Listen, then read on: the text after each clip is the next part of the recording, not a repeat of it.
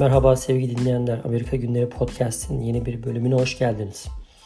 Bu bölümde sizlere farklı bir konudan söz edeceğim. Biraz kişisel bir mevzu fakat benim için aynı zamanda podcast için önemli olduğunu düşündüğüm için burada da yer vermeyi düşündüm. Neticede yaptığım ses kayıtlarının kalitesiyle doğrudan ilintili bir mevzu. Evet ben de nihayet Android'e veda ederek ömrümde ilk defa bir iPhone telefon satın aldım. Bununla alakalı tecrübelerimi, e, bugünlere nasıl geldim, Android takıntım ve iPhone'a nasıl ikna oldum bunlardan biraz söz etmek istiyorum. Ki şu an zaten kaydı da e, iPhone ile yapıyorum. Daha önceki iki bölümü de iPhone'la kayıt yapmıştım ama onlarda kulaklık yardımıyla kayıt yapmıştım. Şimdi direkt kulaklıksız doğrudan telefona konuşarak kayıt yapıyorum. Umarım e, istediğim kaliteyi, ses kalitesini elde ederim ve böylece podcastlerde de hem altyapı olarak hem ses kalitesi hem de e, alttaki fon müziği vesaire olarak biraz daha güzel bir e, sunum gerçekleştirmiş olurum. Evet. Hayatım boyunca hiç iPhone kullanmadım. Evet. 2007-2008 yıllarıydı. İlk defa iPod Touch almıştım. Henüz iPhone çıkmamıştı. Ben sürekli podcast dinliyordum. O sıralar İngilizcemi de geliştirme hedefim vardı. Nihayetinde Amerika'ya yeni gelmiştim iPod Touch'ı e, bir app kurarak e, onu telefona dönüştürüp arama yapmak mümkün diyorlardı. Hatta mümkün olacak falan diyorlardı ki o sıralarda iPhone e, birden piyasaya çıktı. iPod Touch'la Windows bilgisayarları birbirine tanıtmada yaşadığım zorluklardan dolayı iPhone'a da hep mesafeli yaklaştım. İlk akıllı telefon tecrübem iPhone ile değil bir Android alet cihaz olan LG G2 ile oldu. Böyle devasa katlanabilen physical keyboard'u olan işte tuşlara basabildiğiniz klavyesi olan elde yazmaya daha elverişli gibi geliyordu bana. O hoşuma gitmişti. Sonra yine physical keyboard'u olan e, Sony Xperia telefon aldım. Bunun ekranı çok ufaktı. E, çıkabilen böyle e, ayrılabilen açıldığı zaman yarısı klavye şeklinde dönüşebilen yine physical keyboard diyorlar burada. Bir klavyesi vardı. Ama bir süre sonra bu yavaşlamaya başladı. Zaten ekranı da çok küçülttü falan derken ben bu telefonu elden çıkardım. Bu süreçte eşime ilk Google telefonu, Google Nexus telefonu aldık. Google Nexus telefon Nexus 4 olarak piyasaya çıkmıştı. Nexus'un daha önceki modelleri de vardı fakat Nexus 4 o zamanlar biraz daha gelişmiş bir model olarak sunulmuştu. Eşime Google Nexus 4 telefon aldık. Sonra aradan bir süre sonra Nexus 5 çıktı. Nexus 5'i de ben kullanmaya başladım. Bir yıl kadar sonra Nexus 5 sim kartı tanımaz hale geldi. Halbuki Wi-Fi ile gayet iyi çalışıyordu. Ama sim kartı görmüyordu. Ben de tamirciye falan götürdüm. Kimse tamir edemedi bu telefonu. Bu Nexus 5 yani Nexus 5 hala evde duruyor. Wi-Fi ile çalışıyor app'leri kullan kullanmak mümkün, oyunlar oynamak mümkün. Hala da performansı gayet iyi ama sim kartı görmüyor. Bunun üzerine ben de bir model üstü olan Nexus 5X yani 5X'i satın aldım. 2016 yılıydı, yaz aylarıydı. Haziran'da sanırım. Eşim bu arada Nexus 4 kullanmaya devam etti. Bir yıl kadar sonra 2017'nin Ekim-Kasım aylarında Nexus 5X yani benim kullandığım telefon boot loop denen bir döngüye girdi. Sürekli e, Google ekranı yani açılış ekranı gözüküyor. Telefon kapanıyor, tekrar açılıyor, tekrar kapanıyor. Böyle bir döngüye girdi. Ben yine tamirciye götürdüm. Tamirciler uğraştırmalarına rağmen bunu tamir edemediler. Bu kez ben de artık yeter deyip e, yeni bir telefon satın almak için Pixel 2 siparişi verdim. Yine bu bir Google telefonu. 800 dolar kadardı o zaman için. Bu esnada Nexus 5X'in e, yani 5X'in üreticisi olan LG ile temasa geçtim telefondaki arızayla alakalı. Bana telefonun hala garanti kapsamında olduğunu söylediler. Göndermemi söylediler. Belki tamir edilebileceğini söylediler. Ben de telefonu gönderdim. E, bir hafta kadar sonra telefonun tamir edildiğini hatta 16 GB olan hafızasını 32 GB'a çıkarmış olarak yeni bir anakart takılmış halde bana geri gönderdiler ve herhangi bir ücret talep etmediler. Ki üstünden bir yıldan fazla zaman geçmişti. Normalde hani garantisi de geçmişti ama LG bana böyle bir güzellik yaptı o dönemde. Bu durumda ben de 800 dolar kadar verdiğim Pixel 2'yi geri iade ettim. Böylelikle 800 dolar da cebimde kaldı. Bu süreçte eşimin Nexus 4 telefonu da yaşlanma emareleri göstermeye başladı.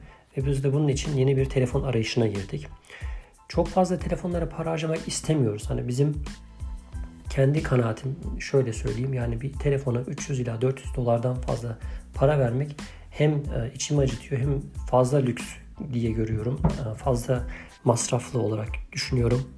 Eşimi Walmart'tan refurbished dedikleri yani kullanılmış ama sonrasında tekrar yeni gibi satılan Samsung Edge S7 satın aldık.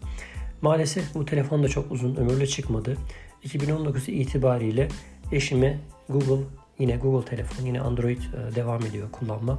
Pixel 3a satın aldık. 300 dolar kadar sanıyorum yanlış hatırlamıyorsam geçen sene. 3a da farklı bir telefon, güzel bir telefon. Pixel 3 ile 3a arasında şöyle bir fark var. 3 biraz daha pahalı ve daha fonksiyonel olan bir telefon. 3a bunun biraz daha alt modeli. Biraz daha bütç budget fon diyorlar. Bütçesi daha mütevazi olan insanlara hitap ediyor. Bazı özellikleri daha geri planda. Fakat çalışabilen, idare eden bir telefon neticede. Ve buna 2 yıl protection plan dahil ettirdik bu sefer. Ne olur ne olmaz diye. O da 80 dolar civarında bir masraftı. Şimdi benim Nexus 5X tabii bu esnada ben Nexus 5X'i kullanmaya devam ediyorum. 2016 senesinde aldığım telefonu. Bu da yaşlanma belirtileri göstermeye başladı geçen seneden itibaren. Ben de bir Pixel 3a satın almayı düşünüyordum ki Google'larda artık şöyle bir özellik var. Şöyle bir durum var. Google 3 yıl sonra telefonlara update göndermeyi kesiyor. Hatta web sitelerinde bir liste var, bir tablo var. Orada hangi telefon kaç yılında yayınlanmış yani satışa sunulmuş ve ıı, kaç senesinde update'leri yani güncellemeleri almaya ıı, son verecekler diye bir ifade var. Mesela benim Nexus 5X bu güncellemelerden artık nasibini alamıyordu. 2018 olması lazım. 2018 ve 2019 ıı, sonları itibariyle Nexus 5X'in güncellemesi bitti. Dolayısıyla herhangi bir yeni model Android çıktığında, yeni özellikler olan Android çıktığında bunu alamıyorsunuz, kullanamıyorsunuz. Fakat yine app kullanmaya, app'leri yüklemeye devam ediyorsunuz. Değişik bir durum. Ee, sizi aslında bir nevi telefon almaya zorlayan bir süreç. Tabii bu süreçte ben e, Nexus 5X'ten bir sonraki telefon olarak neye geçeyim arayışları içerisindeyken Pixel 4a'nın çıkacağı söylentileri başladı bu sene 2020 yılı itibariyle, sene başı itibariyle telefonun Nisan-Mayıs gibi anons edileceği e, duyuruldu. Daha doğrusu dedikodular yayılıyor tabii. Yani Android dünyasını biliyorum takip ediyorsanız e, Android siteleri var. E, Google telefonların ve Android e, developerların, geliştiricilerin bir takım e, ipuçlarını paylaştıkları hatta bazen ilk defa işte fabrikadan görüntüsünü yakalayıp internete sızdırdıkları böyle web siteleri var. Burada söylentiler başladı. Ben de dedim o zaman dişimi sıkayım. Pixel 4 ayı bekleyeyim. Çünkü 3A'nın devamı gibi. Yani daha çok budget phone. Biraz daha bütçesi kısıtlı olan kimselere hitap eden. Aynı zamanda çok pahalı olmayan ve özellik anlamında hani normal telefon özelliklerini taşıyan bir telefon olması benim ihtiyacımı giderecekti. Neticede kolay bir geçiş olacaktı benim için. Bir Google'dan başka bir Google'a geçiş. Fakat Pixel çıkmadı.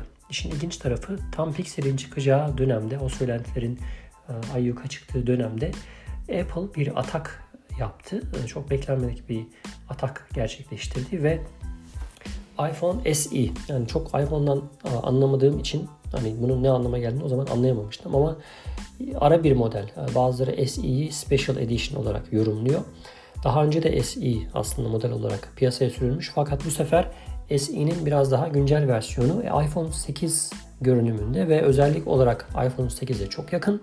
Tek farkı e, işlemci olarak e, A13 diye bir işlemci herhalde yanılmıyorsam. Böyle bir işlem işletim sistemi e, veya işlemcisi olduğunu duydum. Yani daha hızlı çalışıyor bir iPhone 8'e kıyasla ve iPhone 8 2017 model olduğu için onda da bir süre sonra belki güncellemelerin durması ihtimali olabileceğini göz önünde bulundurarak ve 399 dolarlık bir fiyatla piyasaya sürüldüğünde e, iPhone aslında bana cazip geldi. Ben bir, bir buçuk ay kadar aslında düşündüm, taşındım, araştırdım, review'leri okudum e, ve Android'ten iPhone'a geçmeye karar verdim. Bu her ne kadar benim için zor da olsa. Çünkü bütün her şeyiniz Google üzerine kurulmuş durumda.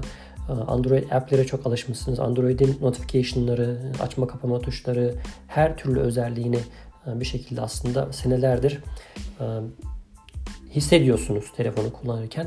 Birdenbire iPhone'a geçmek, e, iPhone'un bütün her şeyini sıfırdan öğrenmek. Her ne kadar dediğim gibi geçmişte iPod Touch tecrübem olsa da az çok hani man- mantalitesini biraz biliyor da olsam iPhone'a hiç elini birisi olarak benim için bu çok büyük bir adımdı.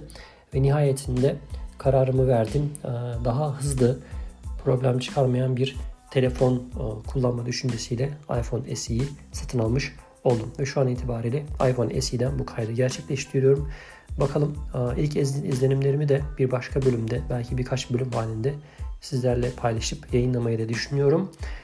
Tekrar dinlediğiniz için teşekkür ederim.